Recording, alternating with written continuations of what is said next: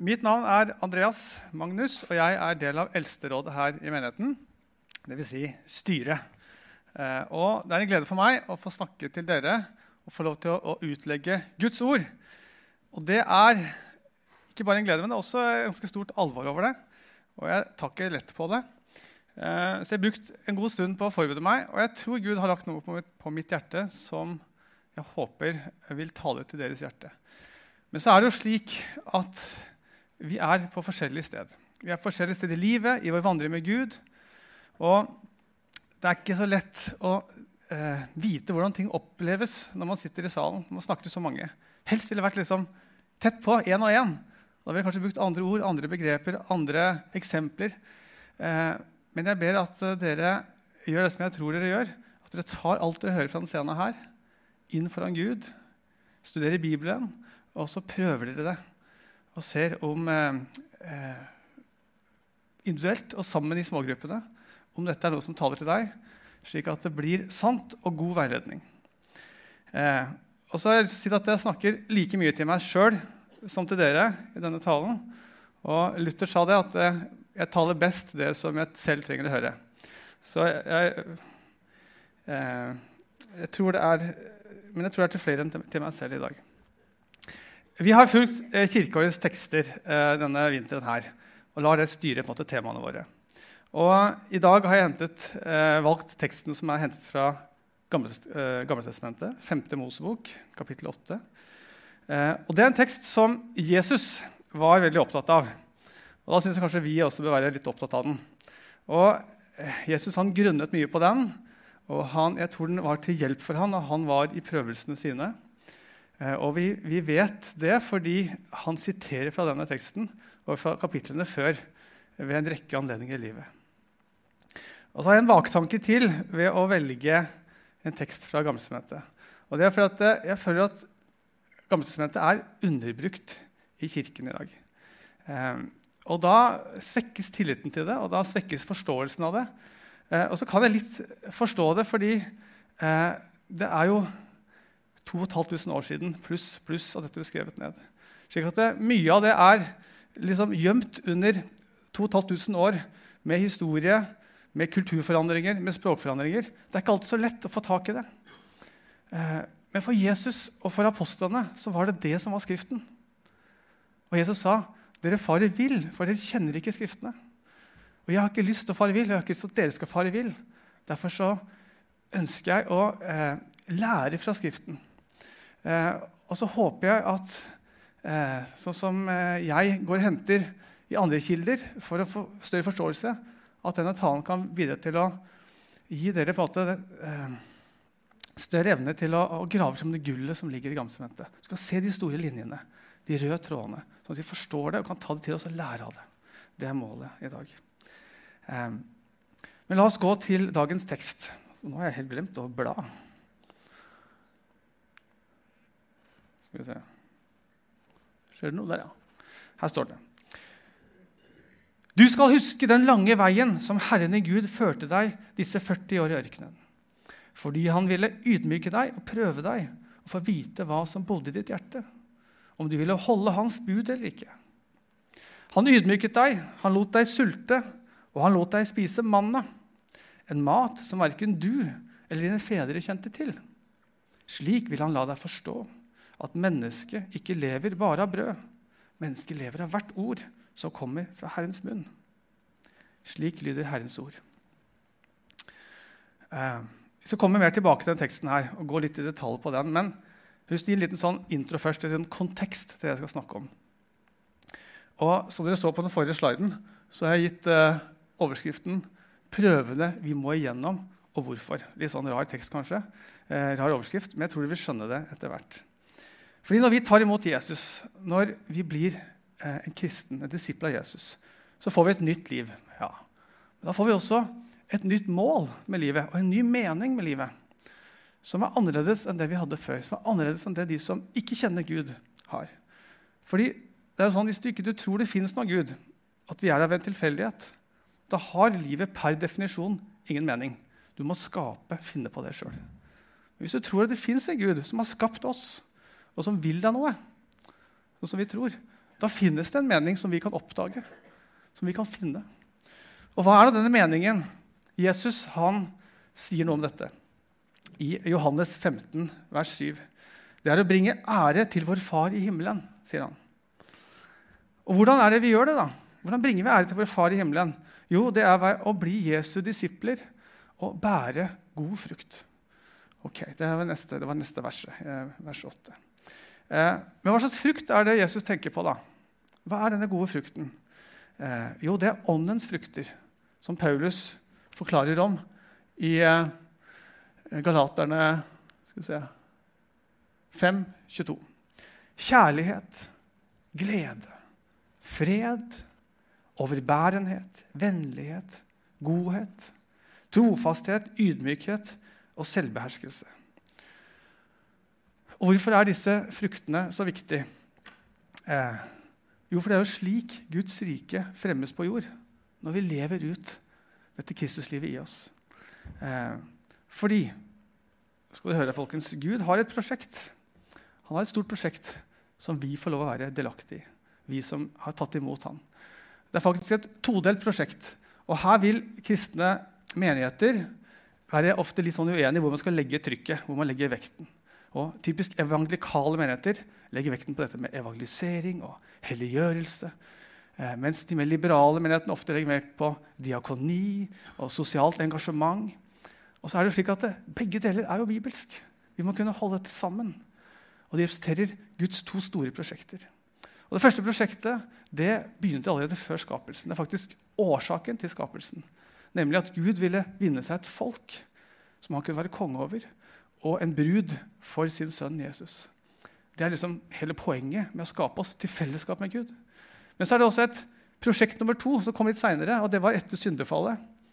Når, eh, men Gud visste at det kom til å komme. Så kan man diskutere når, når dette prosjektet starter. Men, og det er å være med på å eh, helbrede og eh, gjenopprette den ødelagte verden. Den falne skapelsen som vi alle er en del av. Begge de prosjektene, For å bidra der så trenger vi å bære god frukt. Vi trenger å formes i Jesu bilde. Fordi Hvis ikke så er vi jo ikke en del av løsningen. Da blir vi fortsatt en del av problemet. Og Gud har kalt oss til å være en del av løsningen.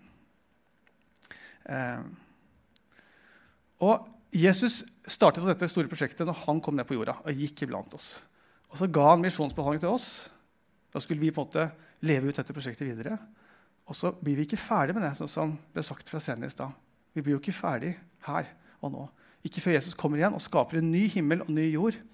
Da vil måtte Guds rike for fullt slå igjennom. Men vi er en del av det. Og eh, Hvordan utvikles disse fruktene i oss? da? Hva, hva, er det noe vi kan skape sjøl? Nei, det er som med all frukt. Det starter med en befruktning. Og Det punktet er når Den hellige ånd flytter inn i hjertet vårt. Men så er det en lang prosess fra det til vi bærer moden frukt. Og Det er det som er eh, hovedessensen det jeg skal snakke om i dag. Hvordan bære frukt. Så La oss gå tilbake til, eh, til teksten, dagens tekst. Der står det eh, Han ville ydmyke deg og prøve deg. Eh, det snakker, Jesus, det snakker Gud om, eh, eller Moses snakker om til jødefolket om det som skjedde i ørkenen. Han vil ydmyke deg og prøve deg. Og Da lurer jeg kanskje på om dere som meg begynner å rynke litt på nesa. Hva er det her for noe? Dette liker jeg ikke helt. Prøve meg? Driver Gud og tester oss? Ikke, sier ikke Jakob, Jesu bror, at uh, Gud driver ikke og frister folk? Jakob uh, eh, 3,1. Ja, det stemmer, det. For Gud frister ingen. Men han det er forskjell på å friste og prøve. Fordi Jeremia han sier i kapittel 20, vers 12.: Herre over hærskarene, du som prøver den rettferdige, og som ser nyrer og hjerter. Og I Salme 11,5 står det Herren prøver rettferdige og urettferdige. Så Herren, han prøver oss. Eh, og så må jeg bare skyte inn at det er jo ikke slik at eh, alt som skjer i vårt liv, kommer direkte fra Gud. Mye av det vi roter oss borti, er vi veldig medskyldige sjøl. Eh, og djevelen prøver også å stikke kjepper i hjulene på oss. Men det er fantastisk er at Gud kan bruke selv de tingene. Selv når vi roter det til, selv når djevelen er ute etter oss, så kan Gud bruke det i den prosessen han bruker til å forme oss på sin store dreieskive, hvor han lager noe vakkert. Og eh, Bibelen er full av sånne eksempler hvor folk eh, er ulydige mot Gud, og likevel klarer Gud på en finurlig måte å veve dette inn i sin store vev. Sånn at hans, mas eh, hans masterplan den skjer likevel. Eh, det, den tilliten har jeg til Gud. Eh, men så er det viktig at eh, når Gud lar oss gå gjennom prøvelser, så er det ikke for å straffe oss. Kjempeviktig å forstå forskjellen der. Eh, det er fordi at eh, det er ikke fordi at du har gjort noe galt. Det er nettopp fordi at vi er Guds folk, at vi er kalt til Han, at vi møter disse prøvelsene ofte. Eh, og Gud har en hensikt med prøvelsene. Eh, men Gud kjenner oss så godt som beskrives. Han har telt hvert hår på vårt hode. Trenger han da å prøve oss? Vet han ikke hva som bor i oss? Jo, han vet det, men vi vet ikke helt det. Det er vi som trenger disse prøvene for å vokse, for å utvikle oss. Og Jeg er lærer på videregående skole. og Senest denne uken her så arrangerte jeg prøver for elevene mine. Og Jeg gjør jo ikke det for å plage dem, selv om det er litt gøy å se de svette over eh, prøvene av og til. når de har sittet og slappet av og ikke gjort noe av leksene. Men jeg gjør det fordi jeg vil at de skal oppleve egentlig mestring. At de skal eh, eh, få ny innsikt, ny kunnskap. Vokse i, eh, i livet sitt og bli på en måte kapable mennesker. Eh, dannede mennesker, som vi liker å si på skolen. Eh, og så er det en viktig forskjell da, mellom de prøvene som jeg gir på skolen, og de som Gud gir oss. Gud stryker oss aldri. Så lenge vi er her på jorda, så får vi nye sjanser. Men det er jo litt irriterende å måtte ha de samme prøvene om og om igjen. da. Og jeg syns jeg, jeg, stadig gjør det. Jeg klarer helt ikke å lære de leksene jeg trenger å lære. Eh, men eh, uh, Gud slipper oss ikke videre til neste nivå før vi har lært den leksa vi skal lære på det nivået vi er. og det er jo ikke ut av, for å være kjip. Det er fordi at du gir jo ikke noen Hvis jeg har gitt en prøve i matematikk til noen, og så får de ikke til, og så gir den mye vanskeligere, da er det jo helt katastrofe. Du må jo hjelpe dem. da. Og sånn er Gud. Han, han forsiktig eh, hjelper oss videre. Og så er det En viktig ting med disse prøvene fra Gud det er åpen bokprøver. Jeg har ikke så mange av de, men eh, læreplanen sier vi skal ha mer av det. Men det er, altså, fasiten er der. Vi har fått fasiten. Den er tilgjengelig. Men vi må bruke den. Vi må lytte til Gud, og vi må sette ut i livet det han har fortalt oss. Vi må lyde mot hans bud, hans instrukser. Um, og hva er belønningen da, når vi består Guds prøver? Jo, det er en ny og vanskeligere prøve. Åh, sa du ikke det med en gang, Andreas? Hva er vitsen da? Hva er vitsen? Hva slags sadistisk Gud er det som nyter å se oss slite og jobbe? Da må vi kanskje gå litt ut kanskje når dere har litt sånn dårlig skoleerfaring. Så la oss forlate den metaforen med, med, skoleprøver og gå over i en annen metafor. Se for deg at du har en arbeidsgiver, en leder på jobben din, som er en skikkelig god leder. Hva vil han gjøre hvis han setter deg en oppgave som du løser veldig bra? Jo, Han vil jo gi deg en ny og mer krevende oppgave.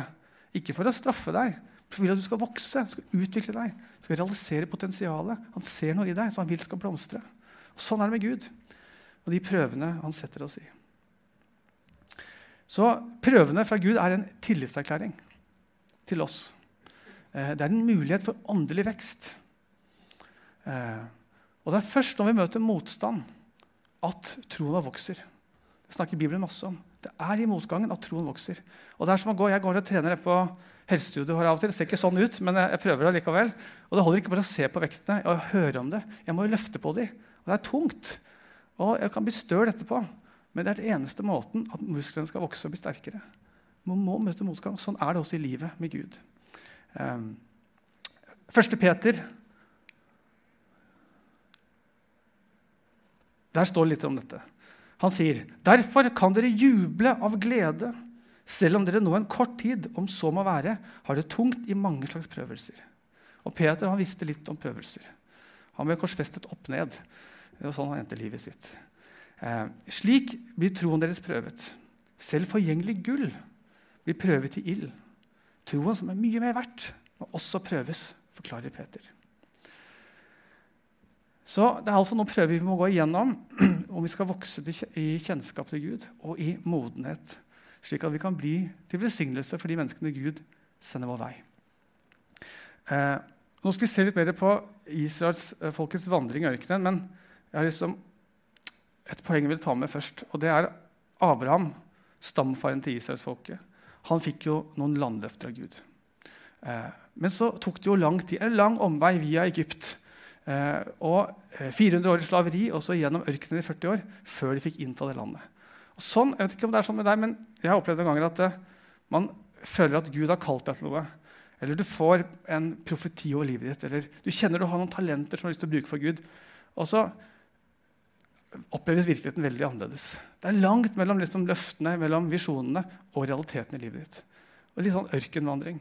Eh, og Sånn var det for israelsfolket, sånn var det for Jesus, og sånn tror jeg det ofte er for oss. Og det er i den perioden at vi ofte prøves og testes og bygger de musklene som skal til, slik at vi kan stå i den kampen, stå i den tjenesten Gud gir oss.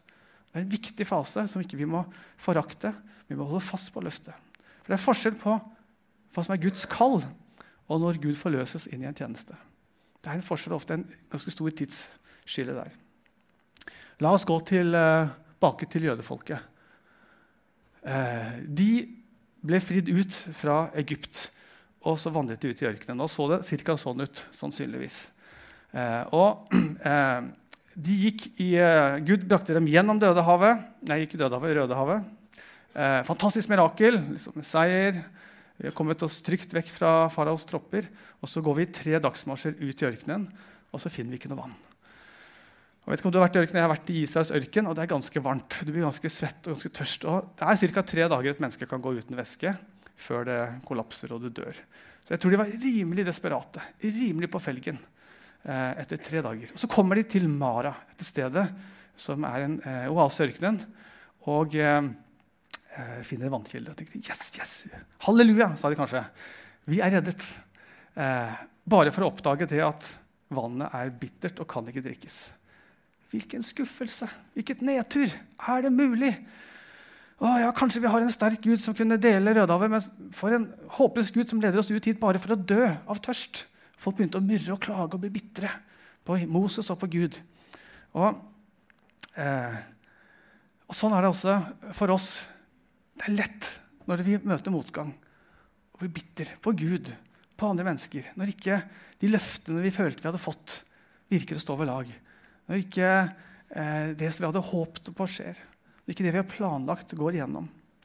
Eh, og bitterhet, Nå studerer jeg psykologi ved siden av jobben. og Der ser vi at bitterhet er en rot til mye vondt.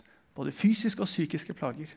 Og Noen har sagt at det å eh, liksom, gi seg inn på bitterhet og slippe til bitterhet i hjertet, det er liksom som å drikke gift og så håpe at noen andre blir syke. Det funker jo ikke sånn. Det er jo vi som lider. Det er vi som blir dårlige av denne giften. Så vi må jo stå imot eh, denne eh, bitterheten. Og eh, Hvordan var det jødene løste dette her? Jo, Gud viste Moses et tre som han kastet i vannet. Og så ble eh, vannet søtt. Hva er dette treet representerer? Jo, naturligvis korset. Korset som, eh, Dette var også et tre som Jesus døde på, og som eh, er motgiften mot bitterhet. Fordi eh, det gjør noe med, eh, med, oss når vi ser på korset og minnes om hva Jesus gjorde for oss. Da får vi perspektiv på ting. Eh, da, da, blir den de vi står i, litt, litt, eh, mindre dramatisk. Vi har en Gud som er villig til å dø for oss. Det setter ting i, i perspektiv. Um, og eh, Kampen mot bitterhet det henger også sammen med noe Jesus sier i det bibelverset her. Skal vi se, vi får det opp. Det går ikke så, ikke så fort der i dag. Ja. Om noen vil følge etter meg, må han fornekte seg selv hver dag og ta sitt kors opp og følge meg, sier Jesus i Lukas 9, 23. For ofte er jo årsaken til bitterhet, i hvert fall er det sånn hos meg, da, det er dette at, vi, at ting går ikke sånn som vi hadde håpet. Vi går ikke sånn som vi følte vi fortjente. Så blir vi bitre. Eh, Men dersom vi tar opp vårt kors hver dag, sånn som på bildet her, eh, og bærer det, da betyr det at vi legger ned vårt eget. Vi gir opp vår egen rett til våre egne planer, våre egne ambisjoner, vårt eget gode navn og rykte. Eh, og da er det plutselig ikke så, da er det plutselig litt lettere å ikke bli bitter, for at, eh, vi har ikke noen krav. Alt vi får, er bonus fra Gud. Vi har lagt ned vårt eget.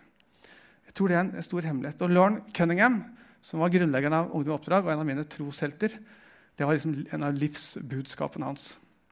Og Han opplevde at Gud virkelig utfordret han når han eh, var i en trafikkulykke og satt med eh, kona i hendene sine, eh, i armene, og hun holdt på å dø. Han trodde hun, han trodde hun skulle dø. Og Så følte han at eh, Gud utfordret ham. Er du villig til å tjene meg selv om eh, jeg tar Dalin hjem? Eh, det ble en veldig sånn, sterk øyeblikk for Lauren. Og han Jo, jeg kan det, Gud. Han, han var villig til å gi, gi slipp på det. Og så, så, overlevde hun lever en dag i dag. Eh, og har fått en fantastisk tjeneste. Men det ble et vendepunkt for Løren at han kunne på det gi slipp. Og så har vi nye ganger i livet hvor Gud har utfordret på andre ting også. Eh, og jeg prøver å gjøre det samme i mitt liv. Og så er jeg villig til å gi slipp på mitt eget. Og det må jeg gjøre daglig, egentlig, fordi det er så lett å ta det tilbake. Ting jeg føler er rett på, ting jeg føler er mitt, ting jeg føler jeg har krav på. Men eh, jeg tror det er en hemmelighet der. Når vi legger ned vårt eget, tar det for et kors, som Jesus sier, så eh, slipper den bitterheten. For at det, alt vi får, er bonus. Alt vi får, er en gave fra Gud. Vi trenger ikke å holde det fast. Eh, så vi må ikke kaste bort disse små anledningene i hverdagen til å vokse i Kristus likhet. Eh, det er fort gjort for meg, Man tenker at liksom, hvis jeg bare havna i den, den, situasjonen, da skal jeg vise hva som bor i meg. Liksom. Vi drømmer om heltedåder for Gud. Og, eh, men, men, så gjør vi ikke hjemmeleksa de små hverdagslige tingene. Eh, hvor vi har anledning til å vokse i åndens frukter. Og jeg var i Forsvaret eh, i mange år, i eh, Hjemmevernet. Og da lærte vi at eh, 'fight as you train and train as you fight'. Det er amerikanske slagordet for amerikanske soldater. Og det handler om at eh, Du får ofte ikke til det i kampsituasjonen som du ikke har øvd på i fredssituasjonen. Du må øve, du må drille det inn. Eh, og Sånn er det også med livet. Vi vil liksom ikke være liksom, helter for Gud hvis ikke vi tar den jobben i det stille når vi er i ørkenen, i de små valgene. Det er der du bygger karakter, når ingen ser deg. De små valgene. Viktig å ta med oss. Eh,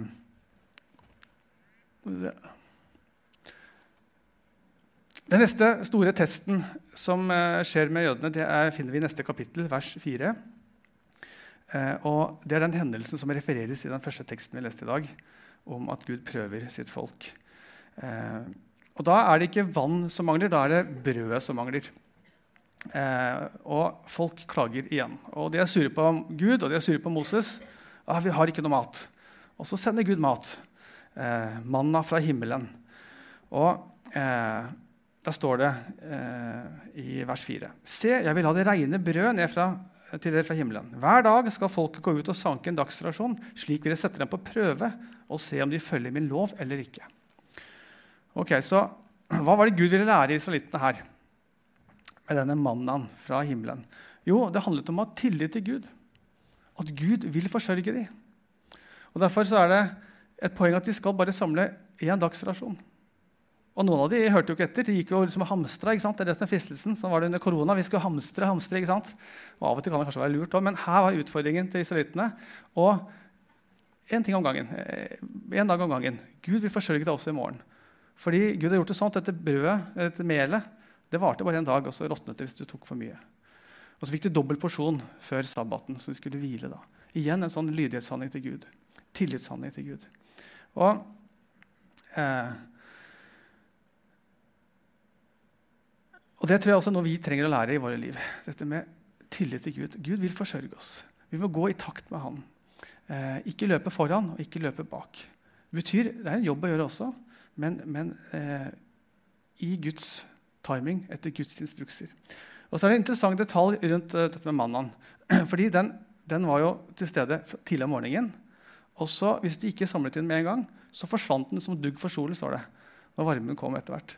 Uh, og jeg tror det er et poeng der at uh, Jesus gjør det i, i, i, en annen tekst som også hører måte til den tekstrekka i dag, fra Johannes 6, 24. Skal vi se om jeg har den her også. Uh, ja, der står det. 'Jeg er livets brød', sier Jesus. Han sammenligner seg sjøl med mannen fra himmelen og sier, 'Jeg er livets brød'. Den som kommer til meg, skal ikke hungre. Den som tror på meg, skal aldri tørste. Så Jesus gjør sånn, en kobling her. Og jeg tror det er viktig for oss å ta med oss at heldigvis forsvinner ikke Guds ord eh, etter sola har stått opp, som dugg for solen. Men det er noe med hva er det vi gjør først om morgenen. Israelittene ble lært opp til det første de skulle gjøre, var å gå og samle inn manna. Og jeg tror vi også gjør klokt i å hente næring fra Guds ord som det første vi gjør. Og så er, kan det, Jeg må først innrømme at, at, eh, det er det mange ganger ikke jeg får til. Men når jeg får det til, da merker jeg at det gjør noe med meg. Og så er det tusenvis av måter å gjøre det her på. og For min del er det ofte det å høre på en tale når jeg går med en tur eller går og trener. Eh, eller det kan være å eh, før man helt tatt står opp, ligge i senga, sånn som Ragnhild fortalte en gang. Så bare legge dagen i Guds hender. Begynne med å fokusere på Han. Ha en fast bønn man ber. et eller annet. Sette fokus for dagen. Eh, eller sette seg ned med Bibelen og lese. Det er mange måter å gjøre det på. Poenget er å ta til seg næring hver dag. Det er en del av disippellivet. Det er en del av det det betyr å gå med Jesus. Eh, og så eh, tror jeg at vi går tøffere tider i møte. Jeg er ikke noen stor profet, men hvis jeg ser rundt meg i verden, så tror jeg vi kan si det at eh, det kan bli tøffere tider. Både som verdensborgere, men også som kristne. Og Bibelen lover oss det. Det skal bli tøffe tider eh, etter hvert. Og da trenger vi være, altså Når alt ristes rundt oss, så er det bare én ting som er, står fast, og det er Guds ord. Det er det eneste som står fast. Da må vi være ordentlig rotfestet til det. Og vi må ta til oss den næringen fra Gud skal vi også kunne stå. Eh, den tredje testen som jeg vil trekke fram, som er den siste testen, eh, det er egentlig en sånn eh, oppsamling av mange tester som jødene opplevde i ørkenen. Og, men vi kan illustrere det med eh, når de lagde denne gullkalven. Eh, og Da tror jeg temaet primært handler om identitet. Husk på det at eh, Israelittene hadde vært 400 år i fangenskap, i slaveri i, eh, under farao. Og Farao er jo bildet, resten av Bibelen bruker han som et bilde på, på Satan og på synden. Eh, og så har de blitt løst ut, og så er de ute i ørkenen. Og så jobber Gud med å gi dem en ny identitet. Vekk med slaveidentiteten sant? og inn med identiteten som Guds barn. Eh, med, som, med barnekår. Eh, som eh, Guds folk. Og mange av de litt sånn rare reglene som de fikk rundt det med mat og ekteskap, og sånne ting, det tror jeg har mye med at de skulle eh, skille seg ut fra andre folk. De skulle ikke være som alle andre. De skulle være annerledes. De skulle være hellige som jeg er hellig, sier Gud. Ja, Hva betyr å være hellig? Det betyr å være atskilt, satt til side for Gud. Et annerledes folk. Men jødene de strittet imot. Dette var vanskelig. Og de, var, eh, de feilet gang på gang. Eh, ville, for de ville, liksom, de ville være som de andre. De ville ha sånne håndfaste guder som de andre hadde. De ville liksom følge de tradisjonene folkene rundt hadde, for de var jo så store og sterke. de andre folkene. Det var så lett å ta etter dem. Og det som skjer da i denne historien med gullkalven, er at eh, Moses han, eh, går opp på Sinai-fjellet. Og det tror, tror man var ca. sånn som det her. Litt stor, stor diskusjon rundt det, men det er iallfall bygd et kloster her. Det er liksom det fjellet man tenkte at Moses gikk opp på. Og Han gikk opp der for å møte Gud og for å få eh, steintavlen med de ti bud. Så blir han borte i 40 dager og 40 netter. Og folket de har ikke fått den identiteten på plass som Guds folk. Eh, sånn at de, de blir veldig stressa. Hvor er Moses? liksom? Hva skal vi gjøre uten han? De er helt avhengig av Moses. Og Så får de da Aron til å samle sammen alt gullet de hadde fått med seg fra Egypt. og Så støper han en gullkalv og så begynner de å be til gullkalven. Eh, og så er ikke det jeg tror ikke de på en måte tenker at det er en annen gud, men de vil bare lage et bilde av den guden de tror på. av Jave. De må ha noe håndfast, noe som ligner på sånn som de andre folkene har. Og eh, Ekspertene er ikke helt eh, sikre, men, for det var mange folk rundt Israel som hadde sånne eh, guder som var form av en okse. Men eh, guden Apis, den egyptiske fruktbarhetsguden, den så slik ut.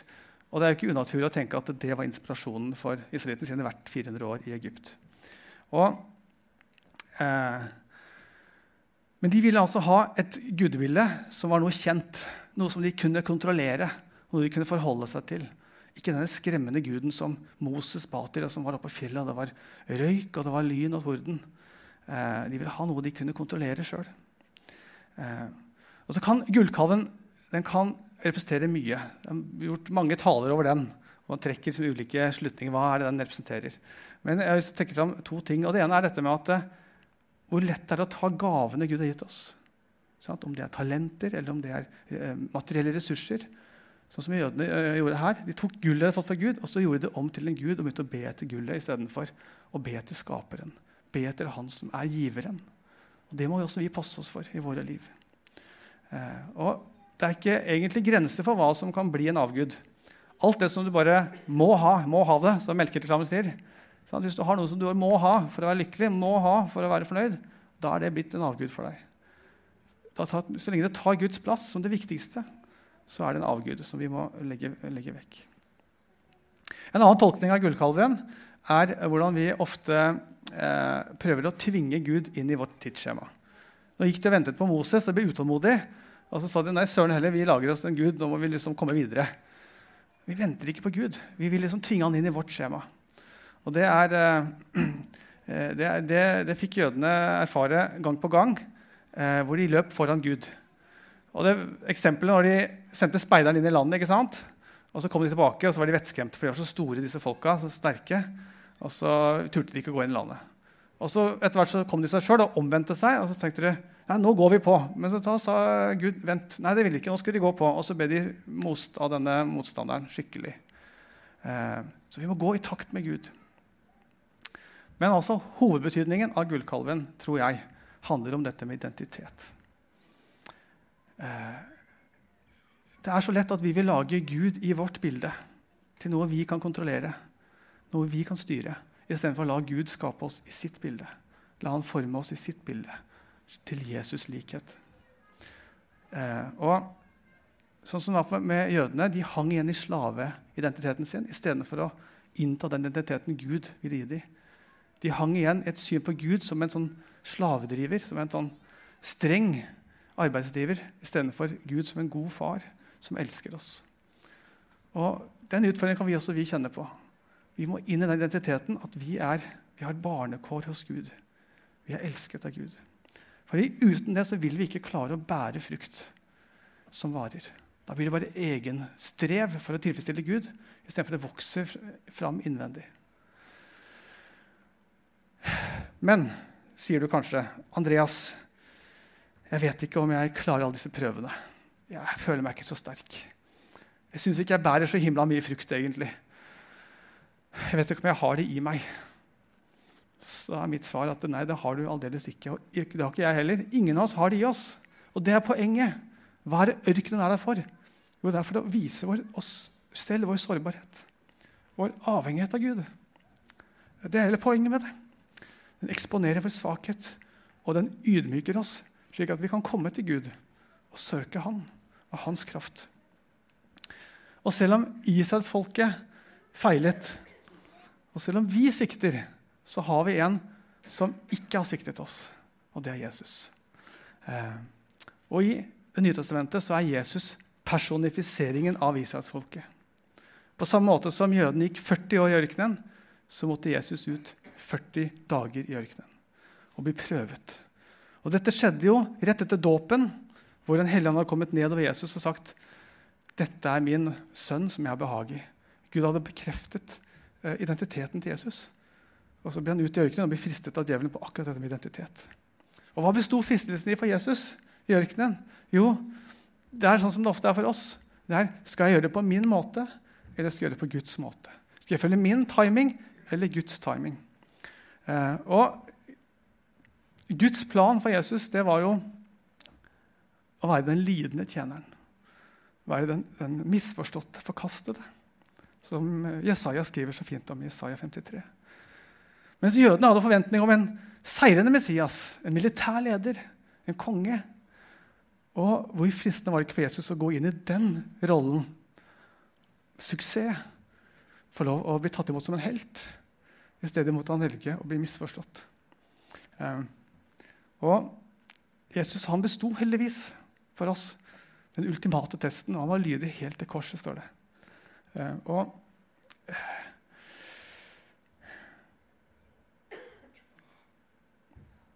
Og det er når vi kan eh, ta imot Den hellige ånd på innsiden, at det kan begynne å eh, skapes frukt i våre liv. God frukt. Slik at når skvisen kommer på, når prøvene kommer, så kommer det søt saft, søt vin ut av oss, ikke bitter galle. Men noe som blir til næring for de rundt oss, som blir til glede for Gud og til ære for Gud. Det er jo målet med livet vårt som kristne. Eh, jeg tror jeg skal eh, gi meg der. Eh, jeg har lyst til å be en bønn, og så skal vi være litt stille sammen etterpå. Kanskje Gud vil tale litt til oss om dette budskapet her. Kjære Far i himmelen. Takk at du har løst oss ut fra slaveriet, under synden, under døden, under djevelen, og satt oss inn i din familie med barnekår. Herre. En ny identitet. Takk at vi får lov å ta del i ditt store prosjekt, hvor vi skal få bli klargjort som brud for Jesus. Og vi får lov til å eh, være delaktige i å helbrede og gjenopprette den ødelagte skapelsen. Være agenter på jorda for deg, Herre. Det gir trøst. Da kan vi få være eh, bruddent brød og utspilt vin som gir næring og kraft til de rundt oss. Altså Hvorfor komme til deg og hente egen næring fra deg? Som vi skal gjøre etterpå i nattverden. Herre. Takk at det er kall over livet vårt. Å bli utøst for andre, slik som du ble utøst for oss. Herre. Men da trenger vi din kraft. Vi trenger å gå i din timing. Hjelp oss å gjøre dette. Styrk oss ved ditt ord, styrk oss ved fellesskap og styrk oss ved det måltid vi snart skal innta. Herre. Ber om det i Jesu navn. Så er vi litt stille nå, så skal vi få en solosang som går litt på det temaet her.